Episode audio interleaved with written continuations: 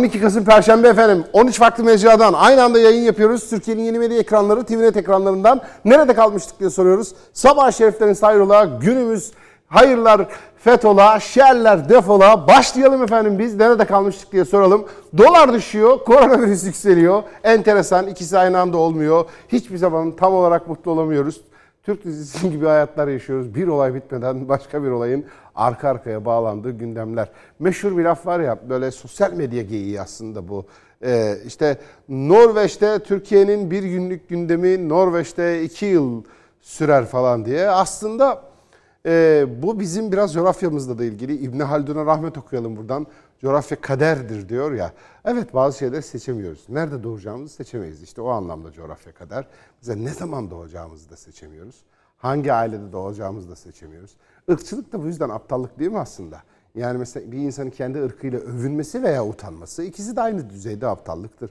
Düşünsenize e, mesela böyle tam doğmadan önce eğer Müslümansanız Allah'a inanıyorsanız melekler diyelim ve Müslüman değilseniz seküleristseniz yetkililer görevliler diyelim artık böyle. Siz böyle doğ, insanın doğmasına birkaç gün kala ya da bir iki hafta kala Geliyorlar böyle melekler ya da görevliler melekler. Evet senin doğumuna bir hafta kaldı. Bakalım şimdi acaba Türk mü olacaksın, İtalyan mı, Rus mu? Koş bakalım 200 metreyi. Koşuyor. Hmm, şu kadar saniyede koştu. 100 soruluk sınavımız var. Zekanı da ölçtük. Güzel yetenekleri de. Bunun aldığı puandan bu en fazla Rus olur ya. Bununla ne diyorsun? Arap olur mu? Olmaz. Rus olur mu? Bunu yaz falan deyip böyle bir durumla doğmuş olsak o zaman övünebiliriz ırkımızla. Sen ne diyorsun kardeşim? Ben doğmadan iki hafta önce sınava girdim bu Türklüğü hak ettim. Bak adam hak edemedi Rus oldu falan gibi bir durum olabilir. O zaman övünün ırkınızla. Deyin ki ben bunu aldım. Kardeşim koştum ben anamın karnında 100 metre bilmem kaç saniye bu fiziki kapasitem sayesinde Nijeryalı olmayı hak ettim. Bak bu çok güzel savaşıyor bu bilmem ne oldu falan gibi bir durum yok ki. Allah belirledi. Hangi annede doğacağımızı? Anneyi, babayı, doğacağımız yeri, doğacağımız zamanı.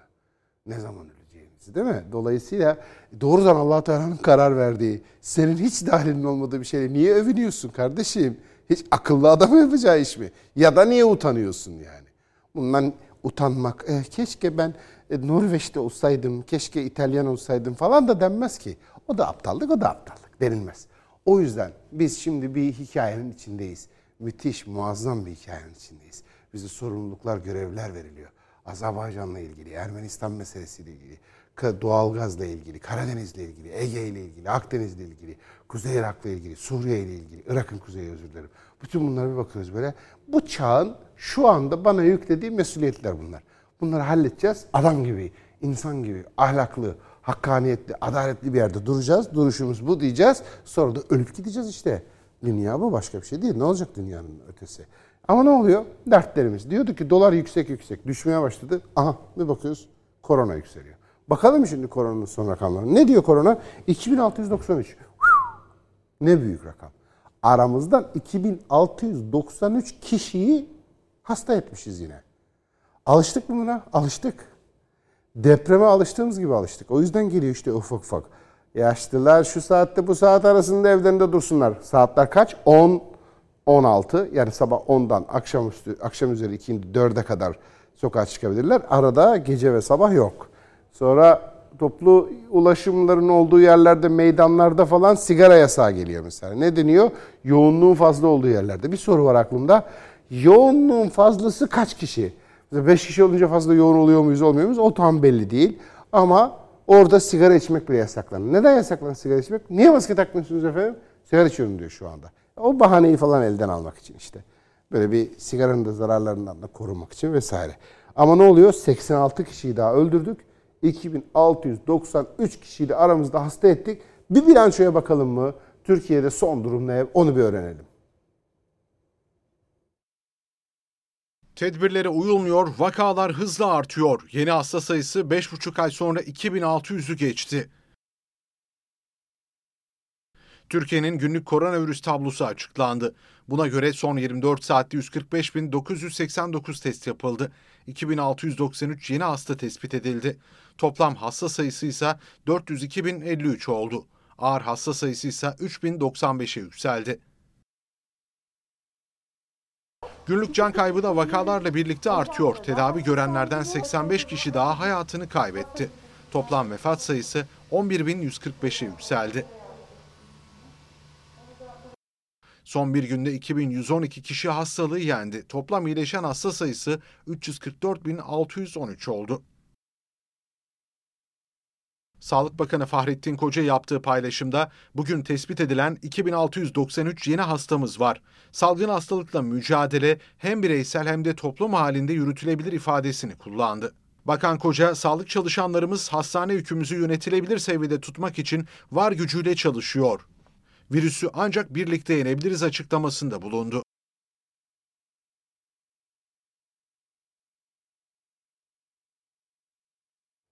Şimdi işte bütün rakamlar yükseliyor ve birbirimize hastalık bulaştırma sayımız yükseliyor. Birbirimizi öldürme sayımız yükseliyor. Öldük biz öldürüyoruz birbirimizi. Ya biz bizeyiz burada. Şimdi ne olur numara yapmayalım yani böyle. e, böyle hiç suçumuz yokmuş gibi falan. En sevmediğim şey gereksiz popülizm. İyidir popülizm, karlıdır böyle. Halk hep masum, her zaman haklı, yaşa, yürü falan. Dolandırıcıları bile savunur medya. Bak çok ciddiyim. Niye? Popülizm. Ona ne deniyor Osmanlıcasında? Ee, avam yardakçılığı. Aynen böyle. Ah- Ahmet Cevdet Paşa, Allah ondan razı olsun. Şu anda popülizm denilen şey avam yardakçılığı olarak tarif ediyor. Mesela çiftlik bank haberi sunacaksınız. Çiftlik bank haberi sunarken denir mi hiç yani? Suçlu kim orada? Aa Tosun. Bir de devlet. Başka başka suçlu yok. Ya ben size söyleyeyim. Çiftlik bank meselesinde Tosun'un suçu en küçük suç.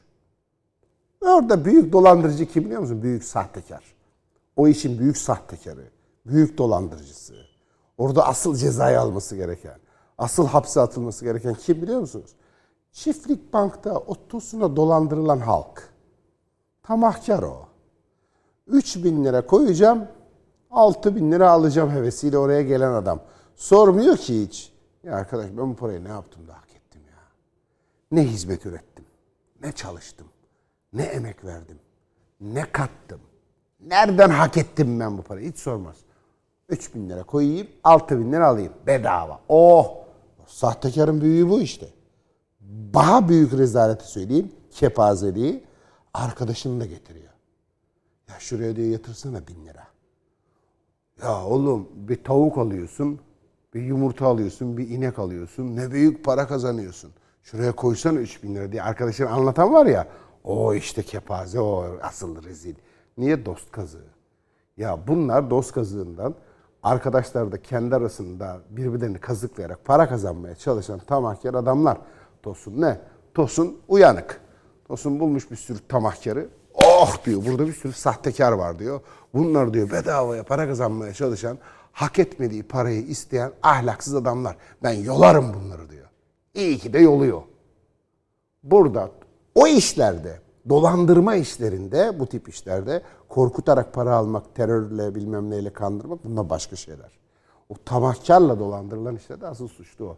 Şimdi bu hastalık, salgın hastalık meselesinde de. Ama haber Tosun haberi verirken nasıl verilir? İşte hain Tosun masum vatandaşları dolandırdı. Hemen oraya ağlayan, çoluğumun çocuğumun rızkını oraya koydum falan diyen bir teyze bulursun. Onunla röportaj yaparsın. İşte gördünüz mü teyzemiz çok zor durumda. Emekli maaşını mı verdin teyze? Evet emekli maaşımı verdim falan. Ya numara. Tavahkar hepsi. Bu salgın hastalıkta da böyle. Numara kardeşim. Numara ya. Biz birbirimize bulaştırıyoruz hastalığı. Bak benim çevremde kaç kişi hasta. Nasıl bulaştı sana hastalık? Arkadaşımdan diyor. Niye? Ya takıldık diyor beraber birlikte. Ha, maske de yoktu elimizde. E elimizi elimizi de yıkamadık diyor. O gün diyor bulaştı bana. Hadi bakalım. Kimin suçu var burada? Ya bu millet evinde gizli gizli uyurken gelip bir tane ajan bulaştırmadı o hastalığı buna. Herkes birbirine bulaştırıyor. Niye numara yapıyoruz kimsenin suçu yokmuş gibi? Biz birbirimizi öldürüyoruz. Sonra da tedbir alınıyor. Tedbirlere karşı da birazcık isyan başlıyor. Tedbirlerden biri. Yaşlılar sabah 10, 14, ikindiye doğru 4, sabah 10'dan 16, akşam 4'e kadar çıkar. Sonra sabah 10'dan önce çıkamaz, saat 4'ten sonra çıkamaz diye ilk tedbir. Tak şimdi ikinci tedbir geldi. Ne o? İçişleri Bakanlığı dedi ki toplu ulaşımların olduğu yerde meydanlarda sigara içmek yasak. Niye? Ya işte maske çıkartıyorsun sigara içmek zorunda olduğu için bilirim ben. Yılların tiryakisiydim yani. Haklılar da sigara içenler. Hiç ben sigara içenleri eleştirmem. Hiç sevmem öyle üstten üstten konuşanlara, sigara içenlere karşı. Ben şimdi içmiyorum kaç senedir ama hani sigara içenlere karşı da böyle aşağılayıcı, üstten üstten konuşanları da hiç sevmem. Sana ne kardeşim? Şimdi ama millete de rahatsız etmemek lazım. Ben sigarayı bırakınca anladım. Hani bu bir hareket var ya böyle otobüse binmeden önce. Çok yaptım ben bu hareketi. Yapıp otobüse biniyorsun. Zannediyorsun ki böyle o koku yok. Ha gitti o öyle dışarı bir tane kapıda üfleyince içiyor. Ya otobüsün içi millet kusacak gibi oluyor sabah sabah. Ben şimdi gör, gidiyorum otobüste adam yapıyor otobüse biniyor. Of! Allah'ım aç kapıyı ineceğim ben falan diye çok defa indim yani. Niye? Bir leş koku. Ne yedin arkadaşım yani? O ne ceset kokusu, ölü kokusu yani artık. Sigaradan geliyor koku biliyorum ben onu. Ben sigara içerken gelmiyordu bana koku. Niye kapanmış reseptörler? Ne tat alıyorum ne koku alıyorum. Böyle hadur hudur hadur hudur vapur gibi dolaşıyordum sigara içerken. Şimdi alıyorum kokuyu. Şimdi bunlar da var işin içinde ama asıl mesele ne? Sigara içelim diye maskeye düşüren onu da yasakladı İçişleri Bakanlığı. Ne olacak sonumuz? Geliyor bak yavaş yavaş. Bir sürü tedbirler. Şimdi Cumhurbaşkanı'na dönelim. Ee, grup toplantısında konuştu Cumhurbaşkanı Erdoğan. Ee, gündeminde ne vardı? Elbette Azerbaycan'la ilgili çok önemli açıklamaları vardı. Şimdi bu mutabakat zaptı vardı. Ya bu hangi madde oldu, ne oldu tartışma da var. Anlamaya da çalışıyorduk onu. Onunla ilgili konuştu. Ortak barış gücünde Rusya ile birlikte yer alacağız dedi. Cumhurbaşkanı Suriye için de barış çağrısında. Şimdi ortak barış gücü meselesi var. Rusya ile Türkiye arasında Azerbaycan Ermenistan'la ilgili olarak. Cumhurbaşkanı Erdoğan güzel bir şey söyledi. Dedi ki ya gel bunun aynısını dedi Suriye için de yapalım dedi. İşte Cumhurbaşkanı Erdoğan'ın o grup toplantısındaki yaptığı konuşma. Türkiye anlaşmanın uygulanmasını gözetmek ve denetlemek üzere bölgede kurulacak ortak barış gücünde Rusya ile birlikte yer alacaktır. Cumhurbaşkanı Erdoğan AK Parti grup toplantısında konuştu. Azerbaycan'ın Karabağ zaferine dikkat çekti. Ortak barış gücünde Rusya ile birlikte yer alacağız dedi. Azerbaycan ile Nahçıvan Özerk bölgesi arasındaki ulaşım bağlantısı sağlanacak ve bu amaçla bir yol inşa edilecektir. Türkiye anlaşmanın uygulanmasını gözetmek ve denetlemek üzere bölgede kurulacak ortak barış gücünde Rusya ile birlikte yer alacaktır. Ateşkesin kontrolü ve denetimi için oluşturacağımız ortak Türk-Rus merkezi ile ilgili mutabakat zaptı bu sabah imzalandı. Bu merkez Azerbaycan'ın işgalden kurtarılan toprakları üzerinde kurulacaktır. Grup sonrası Türk-Rus merkezi ile ilgili mutabakat zaptına ilişkin detayları da paylaştı Erdoğan. Şu anda orada Rusya hangi anlayış içerisinde yerini alıyorsa aynı şekilde bizim de oradaki gözlem ve denetleme ekiplerimiz aynı anlayışta orada yerini alacaktır. Şu anda nitekim Rusya oraya belli noktalara yerleşmeye başlamıştır. Ve görüşmeleri de zaten gerek Dışişleri Bakanlarımız arasında gerekse Rusya'dan şimdi bir heyet buraya geliyor. Burada da görüşmeler yapılacak. Azerbaycan-Ermenistan anlaşmasına dikkat çekti, barışın Suriye içinde gelmesini istedi. Rusya'ya çağrıda bulundu. Suriye'de de Karabağ'dakine benzer bir barış ve huzur döneminin en kısa sürede başlamasını canı gönülden arzu ediyor. Rusya başta olmak üzere bölgede etkili olan güçlerle daha yakın çalışmaya hazırız. Doğu Akdeniz'de Yunan ve Rum tarafının şımartılmasından vazgeçilmesi halinde kısa sürede hakkaniyete dayalı bir anlaşmanın mümkün olduğunu düşünüyoruz. Türkiye olarak bölgemizde barışın, huzurun, güvenin, refahın kök salması için üzerimize düşen her şeyi yapmaya hazırız. ABD seçimlerine sözü getirdi Erdoğan. Diplomasi ve uzlaşma kanallarının sonuna kadar açılması şarttır dedi. Amerika'daki seçimlerin ardından bölgemizde ortaya çıkan belirsizliği ortadan kaldırmak için diplomasi ve uzlaşma kanallarının sonuna kadar açılması şarttır. Bu anlayışla hem sahadaki varlığımızı güçlendirmeye hem diplomasi kanallarını etkin şekilde işletmeye devam edeceğiz.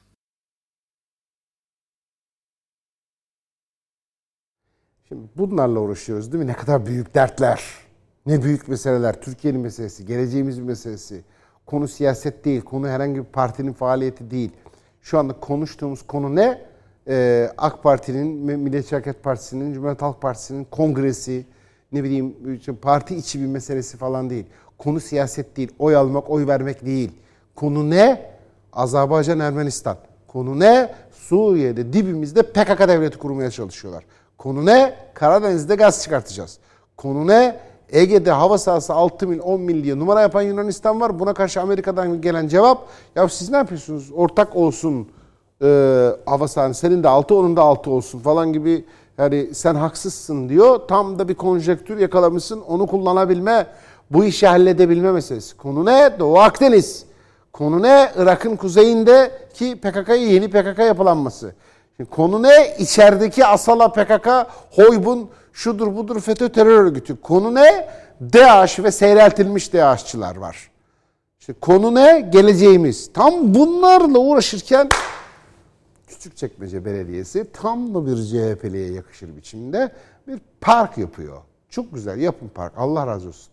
Çok severim parkı. Parkı bakın ama nasıl yapıyorlar. Bildiğiniz PKK parkı orası. PKK'nın amblemleri, logoları, renkleri çocuk parkının içinde. Bu kadar pervasızlık olur mu? Tamam anladık kardeşim. İttifak yaptınız PKK ile. Anladık. Sizi iktidara PKK getirdi. Belediyelerinizde. Size o koltuklarınız oturduğunuz CHP, Cumhuriyet Halk Partili belediye başkanlarının oturduğu koltukları onlara veren PKK'lılar. Bunu ben söylemiyorum. Bunu sizin ittifak ortağınız HDP söyledi. Bu lafa kızıyorsanız gidin onlara kızın. Bana kızmayın. Bu laf benim lafım değil. Tamam anladık o koltuğunuzu size PKK verdi. Ama bu kadar pervasızlık, bu kadar cesaret olur mu ya? Bu ne cüret yani? Şimdi ne oluyor biliyor musunuz? Bir belediye başkanı değil mi? En ufacık siyasi bir şeyden bile söylemeye korkan ya ben herkesin belediye başkanıyım diye denge yapmaya çalışan bir belediye başkanı bu kadar büyük bir pervasızlıkla PKK'nın amblemini, logosunu, renklerini getirip çocuk parkına koyuyor. Bir de bundan övünür gibi sosyal medyadan drone'la görüntüsünü çekip bak nasıl da sıvadım ben, nasıl da büyük bir rezalet yaptım diye bunu da gösteriyorsa ben şimdi diyorum ki bu cesaret değil. Ya bu şantajla bir yerden tehdit ediliyor bu adam. Bu adamı kurtarmak lazım. Değil mi? Küçükçekmece Belediye Başkanı şu anda bir şantaja maruz kalıyor olabilir. Bir kelepçelenmiş olabilir bir yerden köşeye sıkıştırılmış olabilir. Birinci ihtimal. İkinci ihtimal bu adamlara bir emir geldi bir yerden. Bir plan dönüyor. Bu yapılacak şey değil. Kim cesaret edebilir şu anda Türkiye'de PKK'nın bayrağını, logosunun rengini? İzleyelim bakın şimdi şu, şu kepazeliği nasıl açıklayacak CHP peki? Hadi bakalım izleyelim. Genel Başkanından milletvekiline terör örgütü PKK lehinde açıklamalarda bulunan birçok isme barındıran Cumhuriyet Halk Partisi yine şaşırtmadı. CHP'nin yönetimindeki küçük çekmecedeki bir parka terör örgütü PKK-YPG'nin paçavrasını andıran şekiller işlendi. İstasyon mahallesindeki bir parkta yapılan incelemede terör örgütünün kullandığı sembollere benzeyen bazı görsellerin ortaya çıktığı tespit edildi. Parkta terör örgütünün paçavrasını anımsatan manzara büyük tepkiye neden oldu. Vatandaşlar belediyeyi arayarak tepkilerini dile getirdi. Kaymakamlığa da şikayette bulundu. Skandalın ardından kaymakamlık yetkilileri harekete geçti. Küçükçekmece Kaymakamı Turan Belirhanoğlu'nun talimatıyla terör örgütünün renk ve işaretlerini andıran zemin döşemesi kaldırıldı. CHP'li belediye ise skandalla ilgili herhangi bir açıklama yapmadı.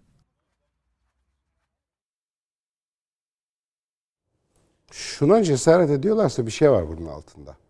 Bu, bu buna cesaret edemez. Hiçbir belediye başkanı. Hangi partiden olursa olsun. Bu olmaz yani. Bu çok büyük rezalet. Bunun altında daha büyük bir şey var. Tamam şunu anlıyorum. Bunların hepsi PKK'ya borçlular.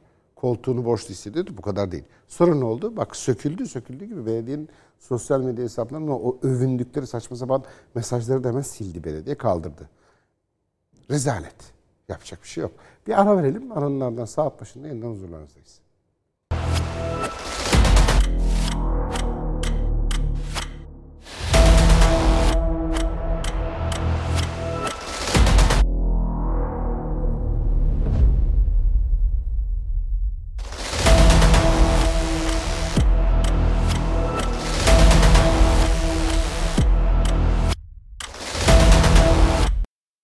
...12 Kasım Perşembe saat başında devam ediyoruz. Huzurlarınızdayız. Türkiye'nin yeni medya ekranları, TVNet ekranlarında nerede kalmıştık diye soruyoruz. Bize sosyal medyadan mesajlarınızı yazmayı ihmal etmeyin lütfen. Hepsinden çok istifade ediyoruz. Teşekkür ediyoruz. Okuyorum yazdığınız mesajları. Ee, ekonomi ilginç gelişmeler oluyor değil mi? Şöyle dolar şu anda kaç mesela arkadaşlar söylesinler bana bilmiyorum. Ne kadar dolar şu anda fiyatı anlık şu an itibariyle? Mesela ne oldu? Öyle bir şey oldu ki 8.58'i gördük değil mi dolarda? 8.58, 9'a doğru gidiyordu dolar. Hani euronun 7.81'e düşmüş şu anda. Ee, 7'nin de altına düşecek belki. Çünkü düşüş yönünde gidiyor yani. Peki şimdi 8.58'den 7.81'e neredeyse 1 lira gibi bir e, değer kaybediyor TL karşısında. E ne oldu şimdi? Bu TL çok güçlendiği için mi oldu? Hayır, niye güçlendi TL? Yani ne oldu da güçlendi ekonomik? Hiçbir şey olmadı. Niye düşüyor o zaman dolar? Aynı soruyu şey için de sorun. Çünkü cevapları aynı. Niye yükselmişti? Ya yükselme sebebi de düşme sebebi de aynı. Konu siyasi. Ya sırf şu bile yani sadece şu, başka hiçbir şey bilmemize gerek yok. Başka hiçbir konuyla ilgilenmemize gerek yok. Sadece şunu elimize alalım. Dolar durup dururken yükseldi, şimdi de durup dururken düşüyor. Ya durup dururken değil.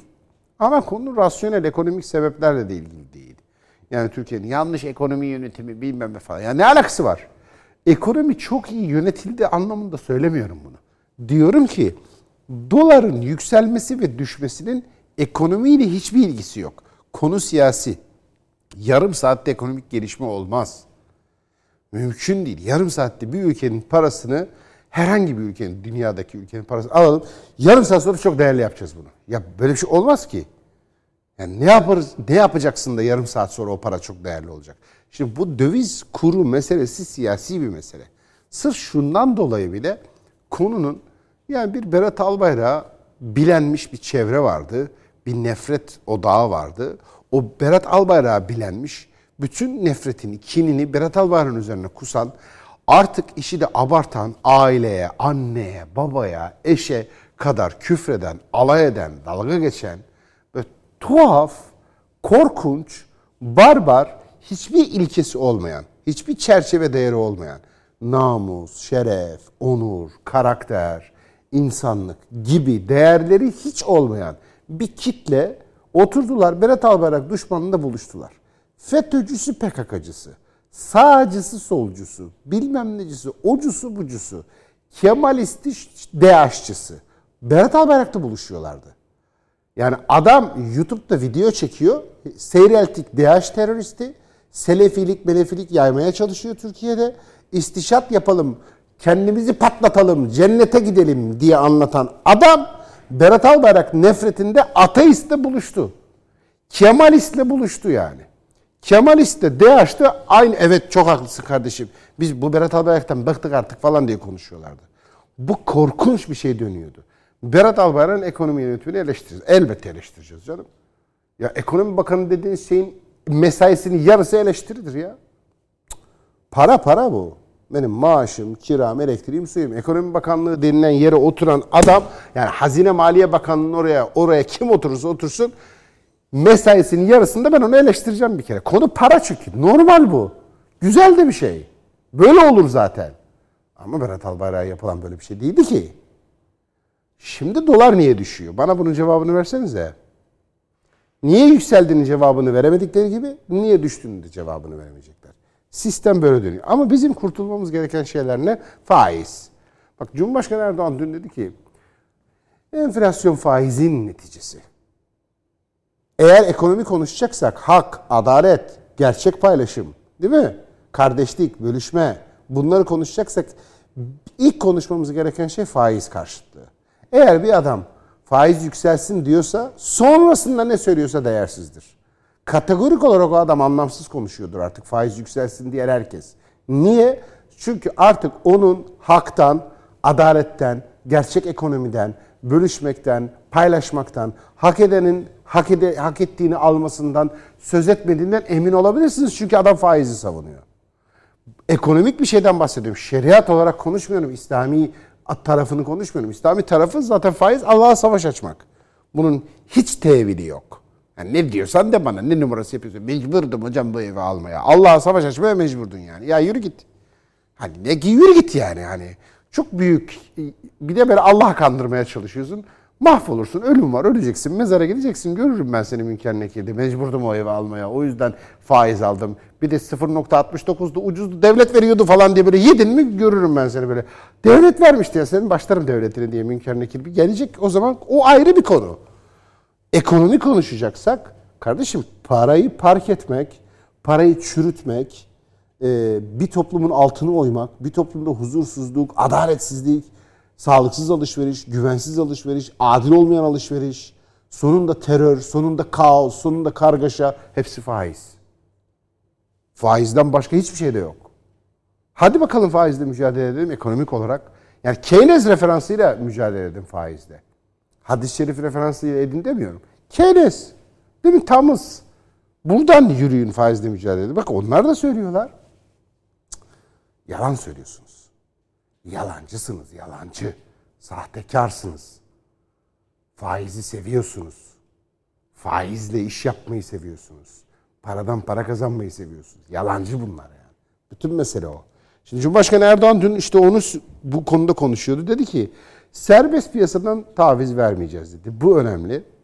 Naci Ağbal'ın Merkez Bankası Başkanı olmasıyla da anlıyoruz ki bir şey var. Serbest piyasa konusunda bir miktar daha yüklenecek hükümet politikada. Ne olacak şimdiden kestirmek zor ama Naci Ağbal hamlesinden sonra bunun böyle olacağını anlıyoruz ki Naci Ağbal'ın ilk konuşması da bu yöndeydi. Ne gerekiyorsa para aracı piyasadaki araç olarak ne gerekiyorsa hepsini kullanacağız dedi. Hemen Cumhurbaşkanı Erdoğan zaten konuşmasında dedi ki serbest piyasada asla taviz vermeyeceğiz dedi. Faizle de ilgili konuştu. Bütün bu enflasyon gibi başta enflasyon olmak üzere bütün kötü şeylerin aslında faizin neticesinde olduğunu söyledi. Faizin neticesi olduğunu söyledi. Ve elbette Berat Albayrak'a da teşekkür ederek başladı işte bunları anlattığı konuşmasını izleyelim şimdi Erdoğan'ı. Önceki Enerji ve Tabii Kaynaklar Bakanımız, daha sonra Hazine ve Maliye Bakanımız olmak üzere ülkemize önemli hizmetler veren Berat Albayrak'a yine şahsım, milletim adına teşekkür ediyorum. Berat Albayrak'a teşekkür etti, yeni Hazine ve Maliye Bakanı Lütfi Elvan'a başarılar diledi. Kendisi sağlık sorunları sebebiyle vazifesinden affını istedi. Biz de bu talebi kabul ederek Hazine ve Maliye Bakanı olarak yerine Lütfi Elvan arkadaşımızı atamış olduk. Ve yeni Hazine ve Maliye Bakanımıza görevinde başarılar diliyorum. Rabbim mahcup etmesin inşallah. Erdoğan kabine değişikliği iddialarına da yanıt verdi. Masa başı yapılmış haberler dedi. Bir kez daha tedavüle sokulan kabine değişikliği veya bakanlıkların yapısının tadil edileceği yönündeki spekülasyonlarla ilgili içi boş, tamamen masa başında uydurulan haberler. Bizim medyanın böyle işi gücü yok. Acaba ne yapalım da biz şu anda hükümeti rahatsız edelim. Veyahut da ne yapalım da ülkenin kulağına kar suyu kaçıralım. Ya Tayyip Erdoğan masa başı kalemşörlerin yazdıklarıyla amel etmez. Cumhurbaşkanı Erdoğan vatandaşa Türk lirasına yatırım yapın tavsiyesinde bulundu. Yabancı yatırımcılara güven mesajı verdi. Vatandaşlarımızdan bireysel tasarruflarında milli paralarına güvenmelerini ve tercihlerini Türk lirasından yana kullanmalarını istiyorum. Güven ve kredibilite kazanımına daha fazla odaklanacak, ülke risk primini düşüreceğiz. Türk ekonomisine ve Türk lirasına güvenen yerli ve uluslararası yatırımcıların kazancını kendi kazancımız olarak görerek yatırımcılara her türlü kolaylığı gösterecek desteği vereceğiz. Erdoğan yeni bir istikrar, büyüme ve istihdam odaklı seferberlik başlatıyoruz dedi. Ekonomide zorluklarımız ve sıkıntılarımız elbette var. Türkiye salgının yol açtığı daralmayı ikinci çeyrekte geride bırakarak üçüncü çeyreğe belirgin bir toparlanmayla girmiştir. Şunu hiçbir zaman unutmayalım. Faiz sebep, enflasyon neticedir. Ve bunu başaracağız. Ve inşallah buradaki engeli aşarak enflasyonu daha da aşağı çekeceğiz. Bunun için en kısa sürede enflasyonu tek haneli rakamlara düşürmekte, ardından kademeli olarak orta vadeli hedeflerimize doğru indirmekte kararlıyız. Ve Hulusi Akar, Milli Savunma Bakanımız Hulusi Akar, Azerbaycan'da Bakü'de bir konuşma yaptı. Ee, Azerbaycan'ın zaferini kutladı. O zaferi kutlarken çok güzel bir cümle söyledi. Ben dün o konuşmayı dinlerken çok etkilendim. 44 günde bitirdiniz bu işi ama 44 yıl konuşulacaksınız dedi. Ve gerçekten Azerbaycan tarihine, Türk tarihine altın harflerle yazılacak bir başarı elde ettiniz. Milli Savunma Bakanı Hulusi Akar Azerbaycan'ın zaferini böyle kutladı. Akar beraberinde Kara ve Hava Kuvvetleri komutanlarıyla Azerbaycan ordusunun Dağlık Karabağ'ın işgalden kurtarması dolayısıyla Azerbaycan Savunma Bakanlığı'nda düzenlenen törene katıldı. Tören, saygı duruşu ve ulusal marşların çalınmasıyla başladı. Akar, öz topraklarında 30 yıldır devam eden haksız işgale son veren Azerbaycan ordusunu tebrik etti. Bu operasyonlar, bu harekat, bu bir uyanıştır. Yani burada Azerbaycan ordusunun gücünü gördük. Bakan Akar, Azerbaycan ordusunun zaferinin 10 yıllar boyunca konuşulacağını söyledi. İşgalden kurtarılan bu toprakların ele geçirilmesinde yaptığı gerçekten tarihi değeri olan, çok önemli olan ve gerçekten Azerbaycan tarihine, Türk tarihine altın harflerle yazılacak bir başarı elde ettiniz. Bu tabii 44 günlük harekat 44 günde başladı, bitti ama bunun 44 sene konuşulacağından emin olun. Dağlık Karabağ zaferi sonrası Türkiye Azerbaycan'a giderek Cumhurbaşkanı İlham Aliyev'le bir araya gelmişti. Heyette Dışişleri Bakanı Mevlüt Çavuşoğlu, Milli Savunma Bakanı Hulusi Akar, Kara Kuvvetleri Komutanı Orgeneral Ümit Dündar ve Milli İstihbarat Teşkilatı Başkanı Hakan Fidan bulunuyordu.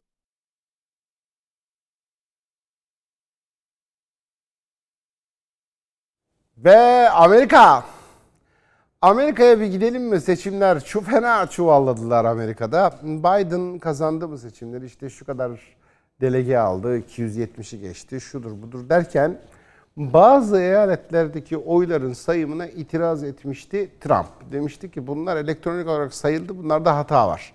Önce dedi hacklendi, hile var dedi. Sonra hani daha böyle politik bir cevapla dedi ki hata var. Hukuki hakkımız, biz bunu kullanmak istiyoruz dedi. Tam hukuki kabul edildi, yeniden sayılsın kabul edildi. Dedi ki tamam. Şimdi birin aşama aşama gidiyorlar. Onların bir de hukuk sistemiyle de ilgili bir mesele bu. Aşama ha tamam kabul ettim yeniden sayılma. Tamam dedi itiraz ediyorum elektronik olarak sayılmaz elle sayılsın dedi. Ne? Elle sayılsın. Mahkeme mecbur kabul etti. Şimdi bazı oy, eyaletlerde oylar yeniden sayılacak ve elle sayılacak. Peki soru şu bir şey değiştirir mi? Yüksek ihtimalle değiştirmeyecek diyorlar. Hani o işi takip eden. Ben o kadar yakından takip etmiyorum meseleyi. Ama o işi takip edenlere sordum. Bir şey değişir mi sence dedim. %99 sonuç değişmez dedi. Peki %1'den bahsediyorsun. İhtimal var mı dedim. Ya hiç yok değil dedi. Var tabii. Yani dedi büyük ters köşe olabilir dünyaya dedi o. Biden Biden dediler. Hoppa dedi. Trump ikinci dönemde devam edebilir dedi. Şimdi bunun bir ipucu da nerede biliyor musunuz? Politik olarak da konuşuyor diyebilir, ciddiye almayabiliriz ama böyle bir şey söyledi mi Söyledi. Kim? Mike Pompeo. Adam Amerika'nın Dışişleri Bakanı şimdi. Ne dedi? Trump ikinci döneminde daha iyi olacak dedi. Ne ikinci dönemi ya? Ne biçim laf ediyorsun yani? Adam kaybetti diyorlar. Şimdi bak böyle de bir şeyler var. O yüzden şu haberin bir ayrıntısına bakalım mı birlikte? Oylar yeniden sayılacak meselesine. ABD'deki başkanlık seçimlerinde resmi olmayan sonuçlara göre Demokrat aday Joe Biden 279 delegeye ulaşarak seçimleri kazanmış olsa da toplam 42 delegeye sahip Arizona, Kuzey Carolina ve Georgia'da sonuçlar henüz daha netleşmedi. Georgia Eyalet Sekreteri Brett düzenlediği basın toplantısında Biden'ın 14 bin oy ile önde göründüğünü, eyalette kullanılan oyların tek tek tekrar sayılacağını duyurdu. Oy sayımı işlemlerinin 20 Kasım'a kadar sürebileceğini belirten Brett, el ile sayılan oyların sonucunda kaybeden tarafın yeniden makineyle oy sayımı da talep edebileceğini de söyledi.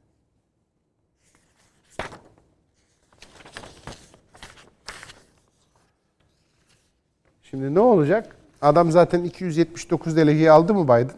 Aldı. 279 ne demek? 270'i bir kişi geçtin mi Amerika'da başkansın. Peki 279 yani Trump'ın 280 mi alması lazım? Olmuyor ki 270 279 artı 280 şeyi aşıyor. Toplam delege sayısını aşıyor. Böyle bir şey mümkün değil. Ha demek ki oylar yeniden sayılır. İşler karışırsa Biden'ın oyları 279'un altına düşebilir delege sayısı.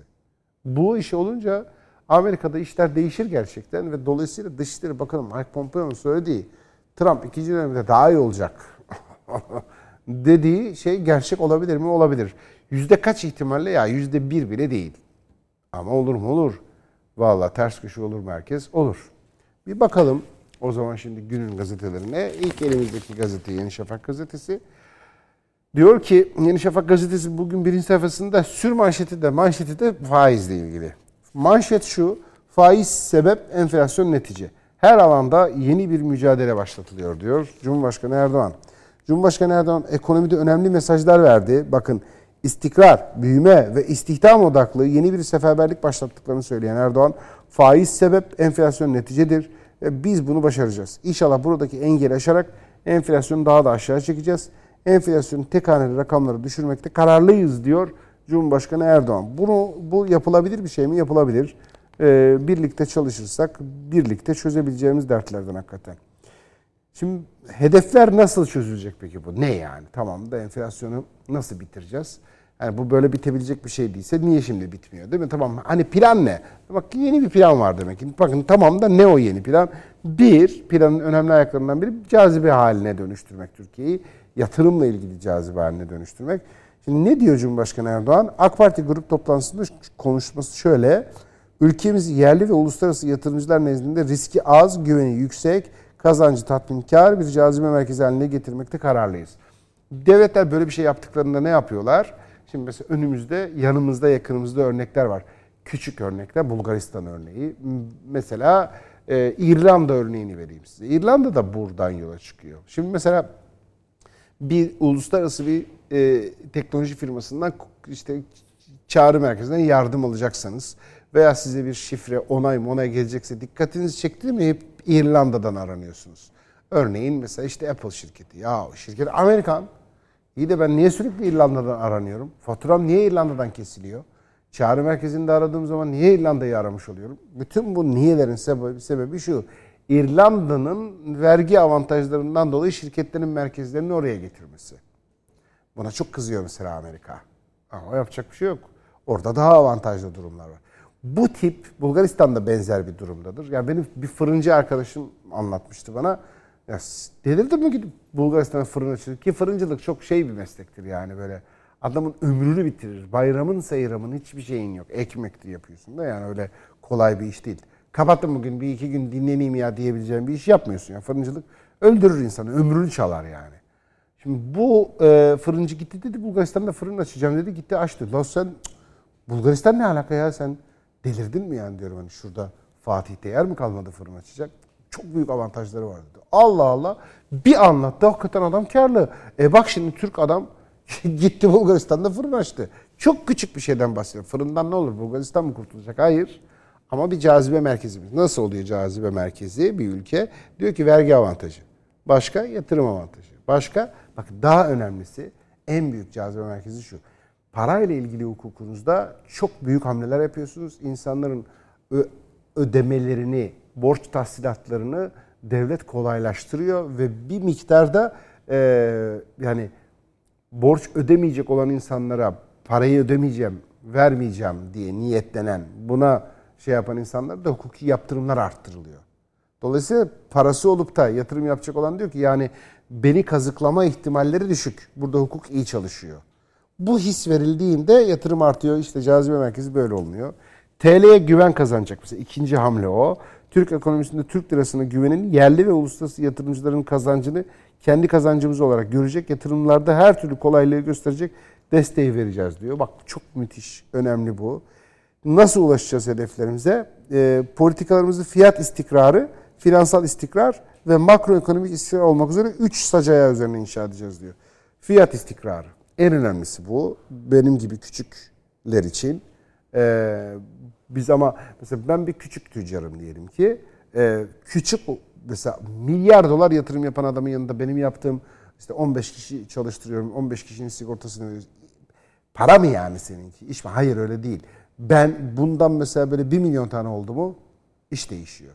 100 bin tane oldu mu iş değişiyor. Şimdi fiyat istikrarı bunlar için çok daha önemli. Neden? Bir plan yapıyorsunuz.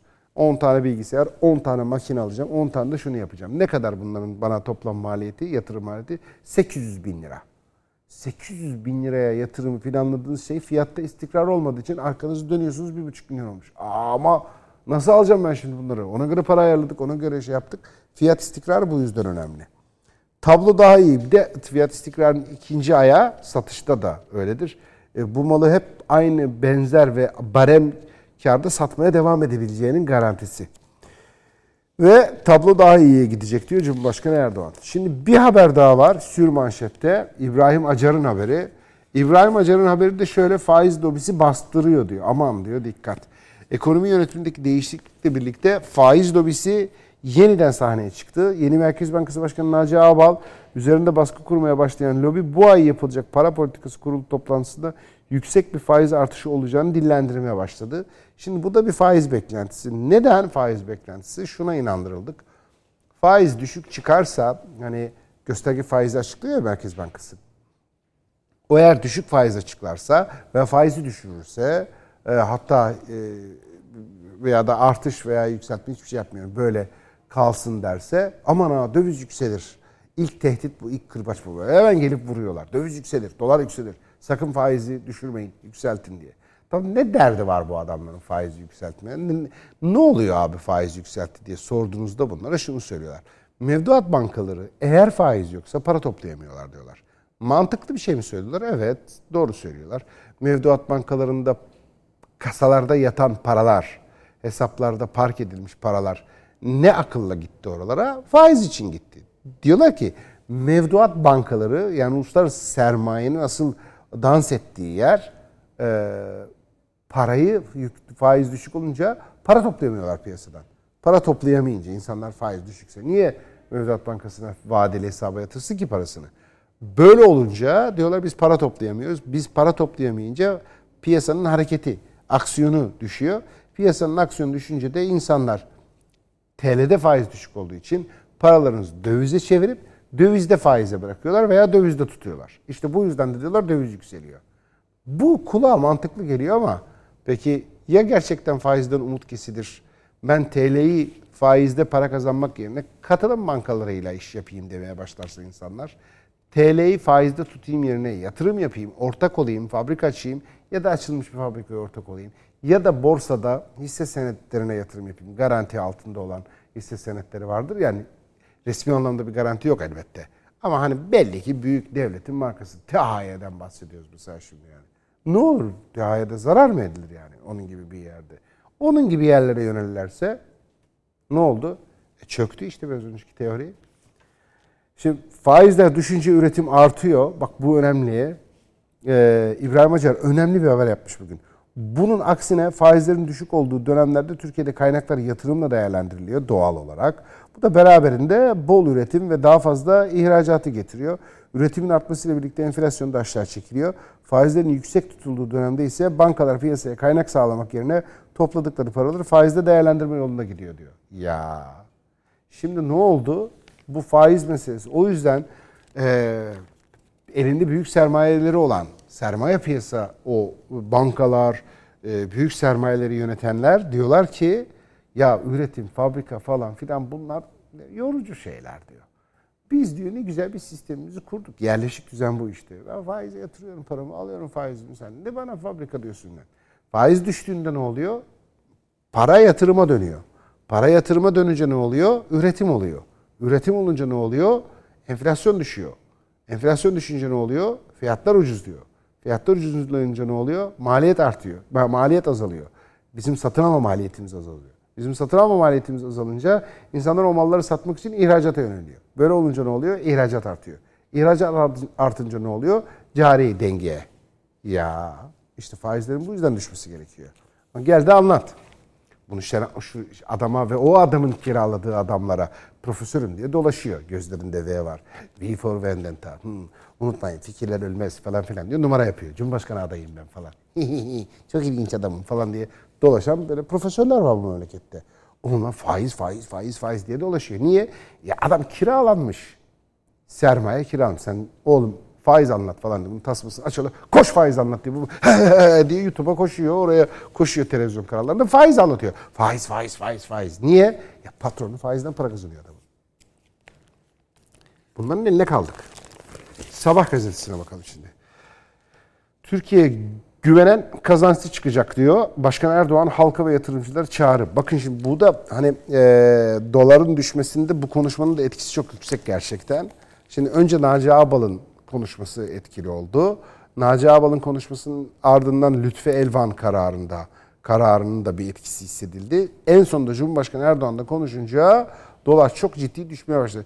8.50'den de konuştuğum 8.58'den konuştuğumuz dolar bu sabah itibariyle kaçtı? 7.31'lere kadar düşmüştü. Şimdi daha da düşüyor, gitgide de düşüyor. İşte bütün bu düşüşü sağlayan şu konuşma önemli. İşte bugün Sabah gazetesinin manşetinde diyor ki Erdoğan, ekonomide yeni dönemin önceliklerini sıraladı. İstikrar, büyüme ve istihdam. Bu üçü yeni bir seferberlik başlatacağız diyor. Şimdi Türk lirasına da güvenin diye çağrı yapıyor Cumhurbaşkanı Erdoğan. Şey yapabiliriz. Kuru muhalefet yapalım hemen şimdi Cumhurbaşkanı Erdoğan'a. Ne güveneceğim Türk lirasına sen he he falan. Bu, bu, bunu söylediğinde ne yapmış oluyorsun? Böyle yaptığında. E, kime ne faydan var? Kendine de bir faydan yok. Ülkene de bir faydan yok.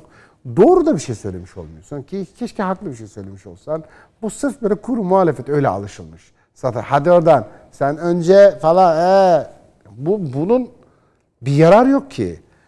TL'ye güvenmekten başka çaremiz yok. Ya bizim çünkü yani. Bizim bunu halletmemiz lazım. Kendi aramızda halletmemiz lazım. Dolayısıyla 3 sac ayaklı ekonomik politika hedefleriyle ulaşacağız diyor. Fiyat istikrarı, finansal istikrar ve makroekonomik istikrar. Güçlü bir istihdam artışı için enflasyonu kontrol altında tutmalıyız. İstihdam arttırmak istiyoruz. Yani insanların iş bulmasını istiyoruz değil mi? Peki insanların iş bulabilmesi için ne olması lazım? Fabrikaların iş yerlerinin olması lazım. Peki iş yerlerinin ve fabrikaların olması için ne olması lazım? Paraların iş yerlerine ortak olması, paraların yatırımla yeni iş yerleri açması lazım değil mi? Evet. Paraların iş yerlerine ortak olması ve yeni iş yerleri açılması için ne olması lazım? Faizlerin düşük olması lazım ki parayı faizden çıkartıp yatırıma döndürelim. Bak istikrar, istihdam, iş bulmak, iş bulabilmek için fabrika, fabrika açabilmek için paranın fabrikaya gelmesi, paranın fabrikaya gelebilmesi için faizin düşmesi gerekiyor. Dolayısıyla en yukarıda sen %12 faizi %15 yaptığında aşağıda 5000 kişiyi daha işsiz bırakmış oluyorsun. Faiz arttır, faiz arttır, faiz arttır diyen adamların da bildiği ama bilmiyormuş gibi numara yaptığı tezgah da burası. Bir diğeri e, faiz sebep, enflasyon neticedir. Bunu aşıp enflasyonu tek haneye getireceğiz diyor Cumhurbaşkanı Erdoğan. Bunlar gerçekten çok önemli. Zafer'le eve dönüş haberi var. Sabah gazetesinin altında kritik bir haber. Diyor ki Azerbaycan Karabağ zaferiyle Ermeni tehdidinin bittiği yerlerde halk yeniden evlerine dönüyor.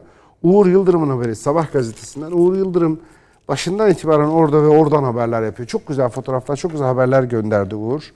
Ermenistan'ın sivil yerleşimleri vurmasından korkarak evlerinden uzakta sığınaklarda, okullarda, stadyumlarda kalan Azerbaycanlılar zaferle birlikte geri gelmeye başladı. Özellikle Terter ve Ağdam'da yaşayan yüz binlerce kişi 44 gün sonra yeniden kentlerine döndü. Terter meydanlarında toplanan Azerbaycanlılar zaferi bayraklarla dans ederek kutladılar diyor. Ve işte Azerbaycan bayrağı. Ne oluyor efendim? Her bayrak bir rüzgar bekler değil mi? Türk'ün bayrağı rüzgar bekler, rüzgar. Ve Azerbaycan bayrağı e, yıllar sonra, yıllar 30 yıl sonra o beklediği rüzgara kavuştu. Allah Türk'ün bayrağından rüzgarı eksik etmesin inşallah. Hürriyet gazetesine bakalım devam edelim.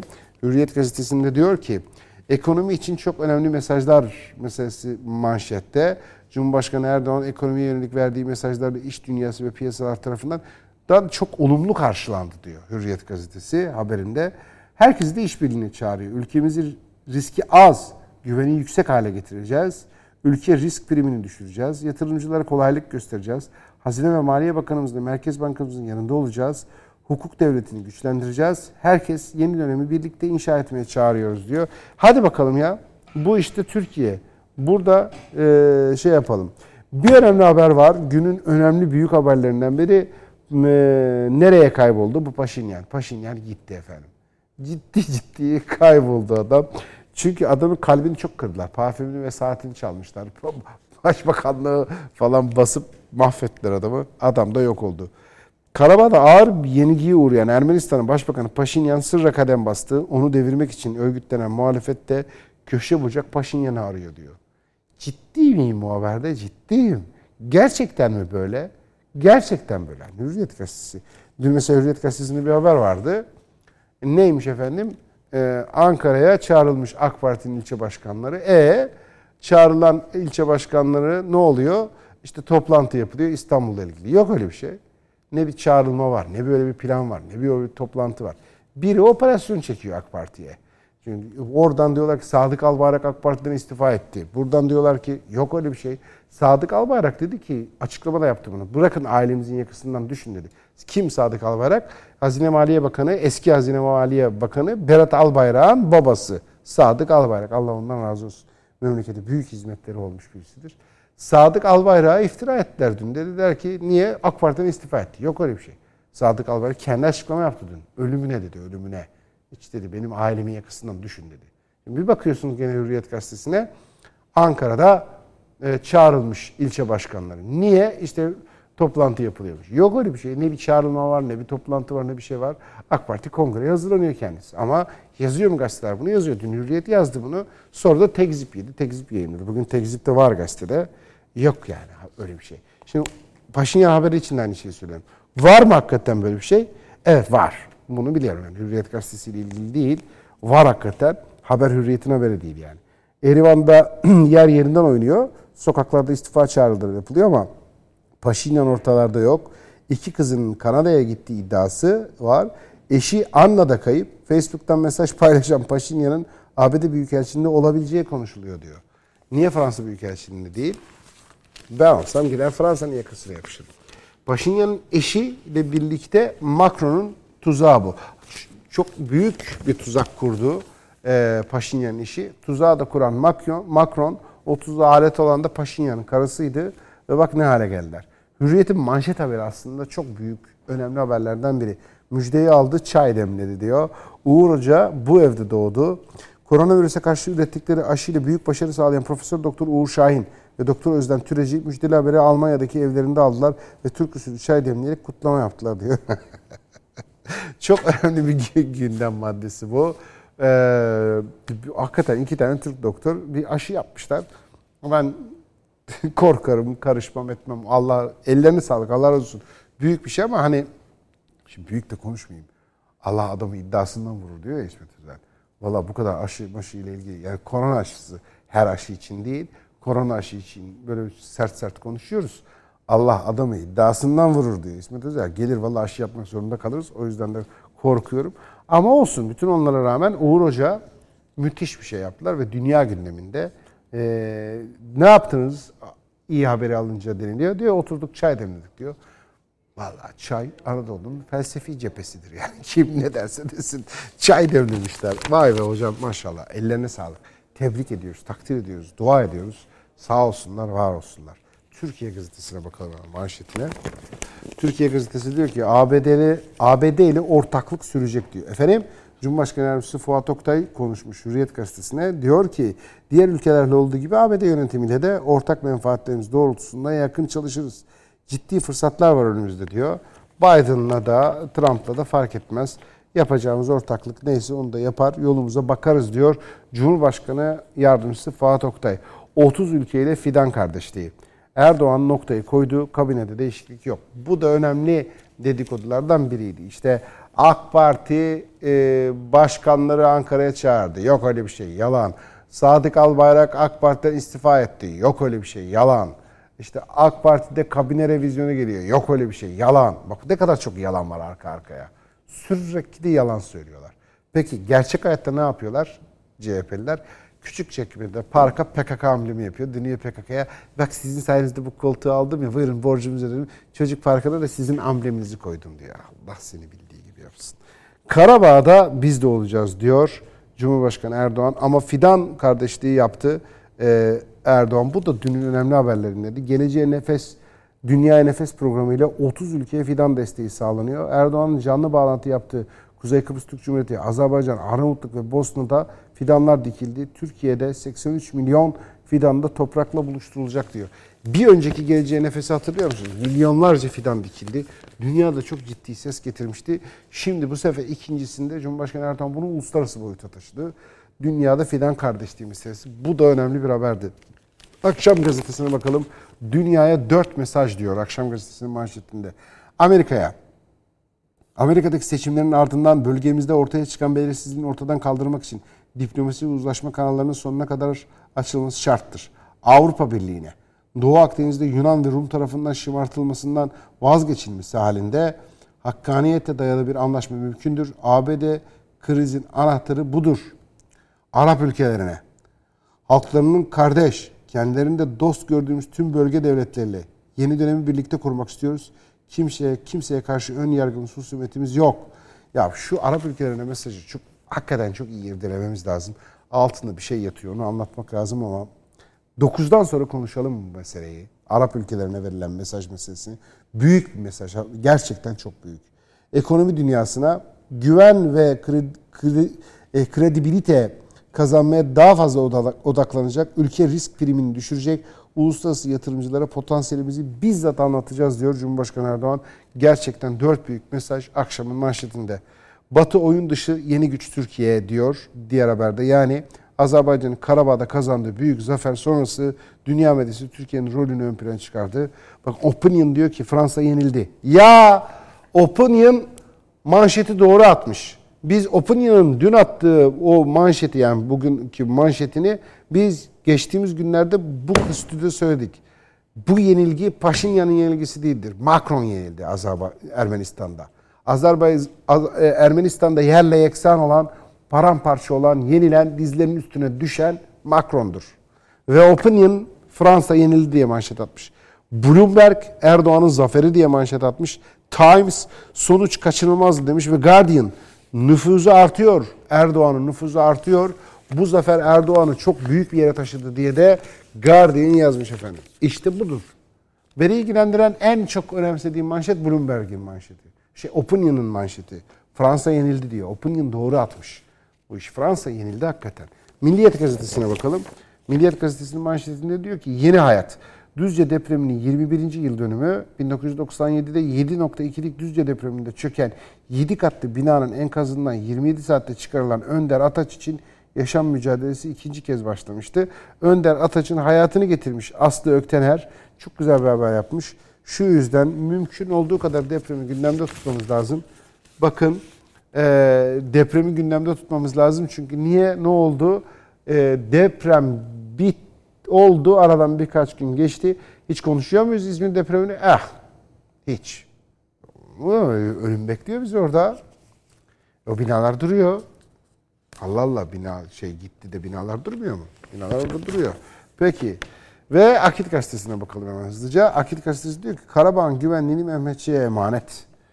Başkan Erdoğan Azerbaycan'ın Karabağ zaferinden Doğu Akdeniz krizine, ekonomi yönetiminden kabine değişikliği iddialarına kadar birçok konuda çarpıcı açıklamalar yaptı. Karabağ'da kontrol ve denetimin Türk-Rus askerine yapılacağı açıklayan Erdoğan, ekonomide de istikrar ve istihdam odaklı yeni bir seferberlik başlatacaklarını duyurdu diyor. önemli bir konu.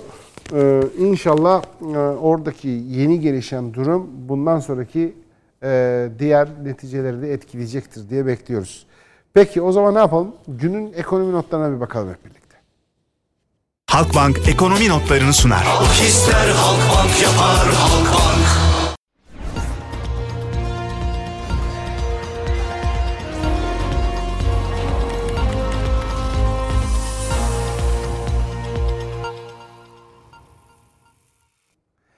Borsa İstanbul Yüz Endeksine bakıyoruz. 1279 şu anda. E, dolara bakalım 7.82'ye kadar gerilemiş yani.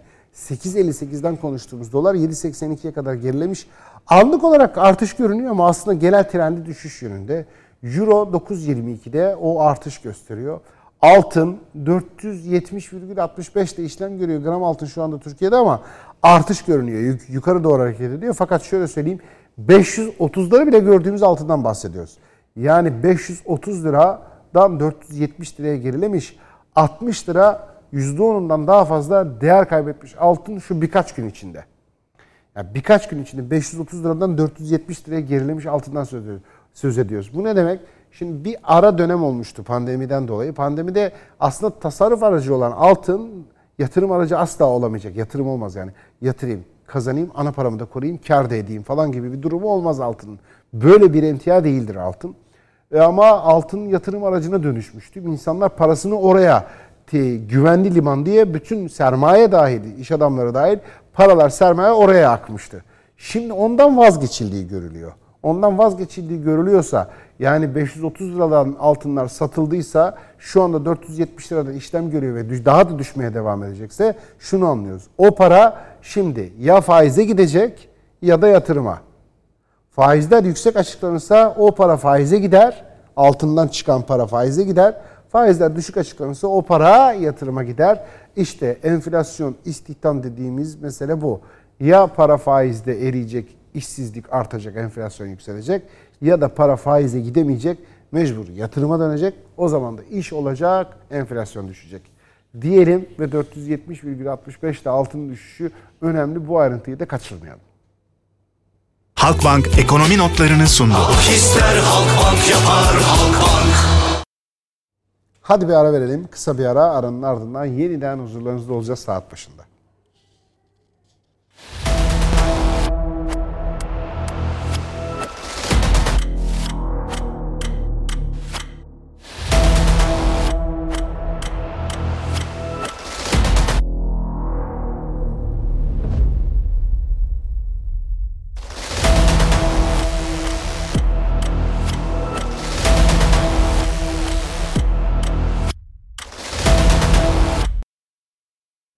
Ve devam ediyoruz efendim saat başında. Yeniden huzurlarınızdayız. 12 Kasım bugün. Ee, dün Cumhurbaşkanı Recep Tayyip Erdoğan grup toplantısında bir konuşma yaptı. Tarihe geçecek bir konuşmaydı. Neden biliyor musunuz? Çok önemli.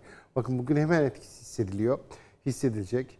Ee, Borsa İstanbul'da hissedilecek etkisi. Dolarda hissediliyordu zaten bugün de hissedilmeye devam edecek. Diğer piyasalara verdiği mesajlar inanılmaz iyi mesajlar verdi. Merkez Bankası'nın desteklediğini, ekonomide istikrar, istihdam, enflasyonun düşürülmesi gibi konularda Merkez Bankası, işte Maliye Bakanlığı, Cumhurbaşkanlığı bütün o hükümet sistemindeki o e, o koordinasyon tam sağlandığını anlattı. Çok e, piyasanın hani uzmanlar var, meselesi bu olan insanlar var aramızda. Mesela işte saat başında Semra Hanım olacak burada Semra Karabaş. Onun söylediği cümleyle piyasanın dilinden anlayan, piyasanın diliyle konuş yapılan bir konuşmaydı demişti sabah toplantımızda. Çok da güzel özetti. Cumhurbaşkanı Recep Tayyip Erdoğan'ın söylediği şey hemen de piyasanın dilinden ve piyasaya uygun bir şekilde konuşunca hemen de etkisi hissedildi. Nasıl etki hissedildi? Bu istikrar meselesi kritik bir mesele. Piyasaya güven vermek meselesi kritik bir mesele. Çünkü hükümetin çok kısa vadeli hedefleri var. Hemen e, doları düşürmek, hemen e, kuru dengelemek ama aynı zamanda da istihdam çünkü iş ihtiyacımız var. İşsizlik oranımız çok ciddi. Genç işsizlik oranımız daha da ciddi. Hemen bunu düşürmesi lazım. Bunun için ne olması lazım? İş sahası lazım. İş sahası için ne olması lazım? Yatırım lazım. Yatırım olması için ne olması lazım? Paranın dövizdeki parktan, altındaki parktan çıkıp yatırıma dönüyor olması lazım. İşte bütün bunlar hepsi birbirine bağlı şeyler. Bunların koordinasyonu ile ilgili yaptığı konuşma çok önemliydi. Fakat şimdi Cumhurbaşkanı Erdoğan önce şu konuşmasına bakalım. Karabağ ile ilgili, Azerbaycan Karabağ meselesiyle ilgili konuştu Cumhurbaşkanı Erdoğan. Orada bir mutabakat zaptının imzalandığını söyledi. Bundan sonra oranın e, Azerbaycan'ın da Türk askerinin olan ilişkisine dair de önemli bir meselenin altını çizdi. Şimdi önce Cumhurbaşkanı Erdoğan'ın bir konuşmasını dinleyelim. Açalım sesini. Türkiye anlaşmanın uygulanmasını gözetmek ve denetlemek üzere bölgede kurulacak ortak barış gücünde Rusya ile birlikte yer alacaktır. Cumhurbaşkanı Erdoğan AK Parti grup toplantısında konuştu. Azerbaycan'ın Karabağ zaferine dikkat çekti. Ortak barış gücünde Rusya ile birlikte yer alacağız dedi. Azerbaycan ile Nahçıvan Özerk bölgesi arasındaki ulaşım bağlantısı sağlanacak ve bu amaçla bir yol inşa edilecektir. Türkiye anlaşmanın uygulanmasını gözetmek ve denetlemek üzere bölgede kurulacak ortak barış gücünde Rusya ile birlikte yer alacaktır. Ateşkesin kontrolü ve denetimi için oluşturacağımız ortak Türk-Rus merkezi ile ilgili mutabakat zaptı bu sabah imzalandı. Bu merkez Azerbaycan'ın işgalden kurtarılan toprakları üzerinde kurulacaktır. Grup sonrası Türk-Rus merkezi ile ilgili mutabakat zaptına ilişkin detayları da paylaştı Erdoğan. Şu anda orada Rusya hangi anlayış içerisinde yerini alıyorsa aynı şekilde bizim de oradaki gözlem ve denetleme ekiplerimiz aynı anlayışla orada yerini alacaktır. Şu anda nitekim Rusya oraya belli noktalara yerleşmeye başlamıştır. Ve görüşmeleri de zaten gerek Dışişleri Bakanlarımız arasında gerekse Rusya'dan şimdi bir heyet buraya geliyor. Burada da görüşmeler yapılacak. Azerbaycan-Ermenistan anlaşmasına dikkat çekti, barışın Suriye içinde gelmesini istedi. Rusya'ya çağrıda bulundu. Suriye'de de Karabağ'dakine benzer bir barış ve huzur döneminin en kısa sürede başlamasını canı gönülden arzu ediyor. Rusya başta olmak üzere bölgede etkili olan güçlerle daha yakın çalışmaya hazırız.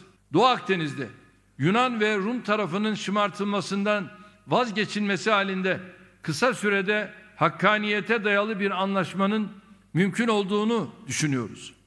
Türkiye olarak bölgemizde barışın, huzurun, güvenin, refahın kök salması için üzerimize düşen her şeyi yapmaya hazırız. ABD seçimlerine sözü getirdi Erdoğan. Diplomasi ve uzlaşma kanallarının sonuna kadar açılması şarttır dedi. Amerika'daki seçimlerin ardından bölgemizde ortaya çıkan belirsizliği ortadan kaldırmak için diplomasi ve uzlaşma kanallarının sonuna kadar açılması şarttır.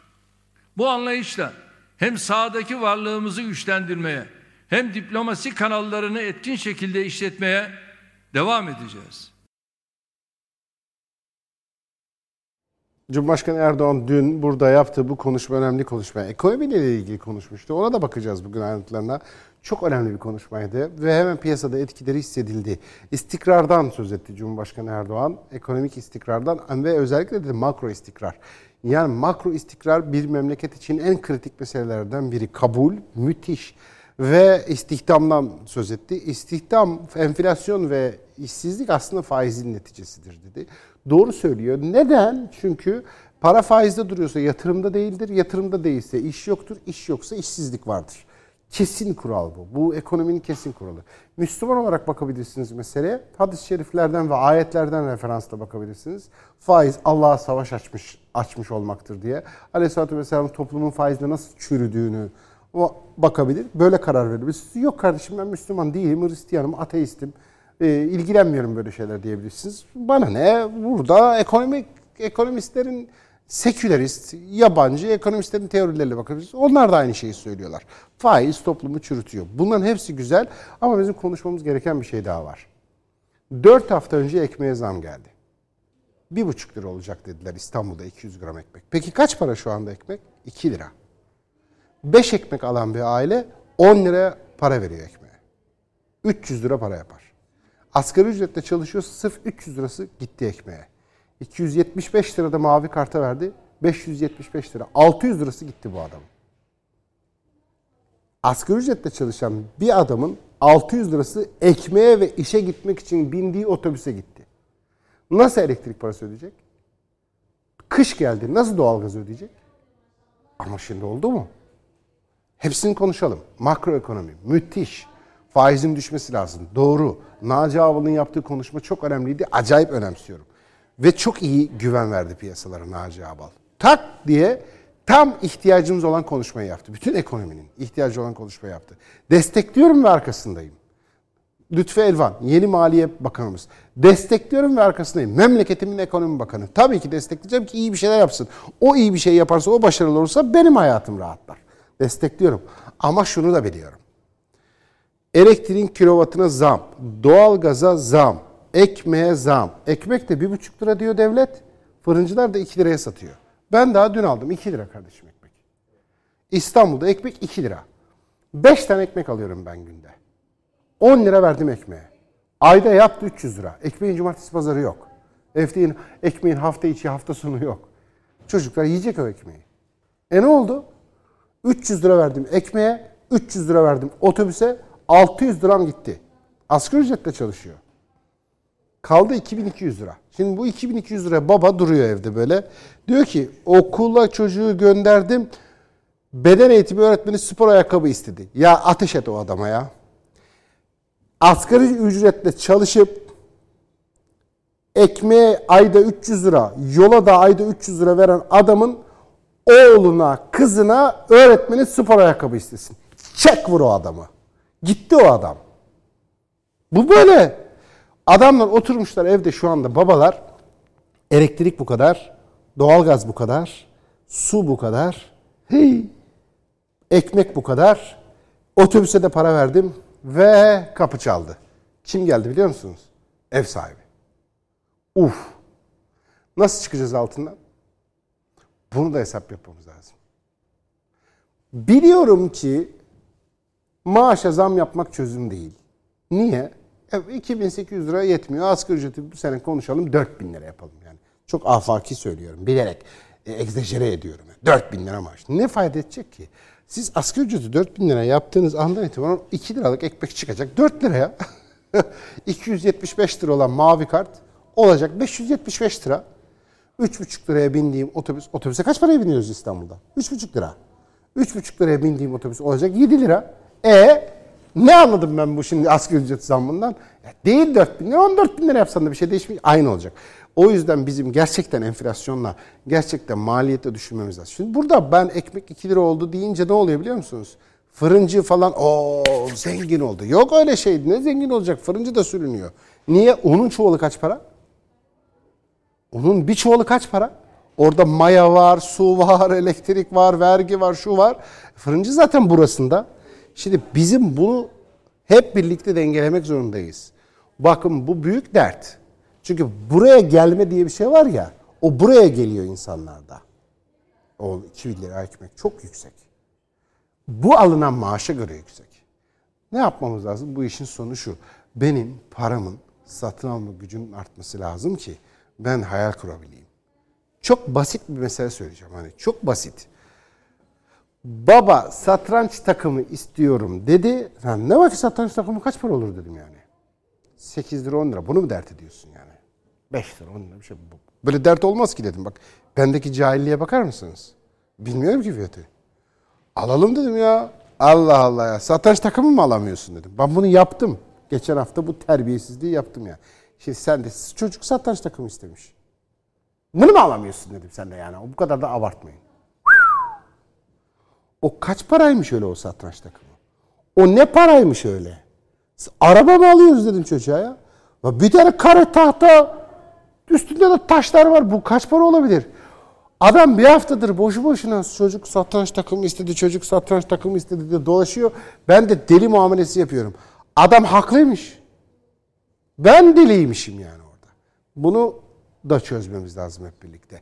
Makroekonomi, mikroekonomi. Ekonomi ekonomidir. Makrosu, mikrosu olmaz. Bütün mesele. Şimdi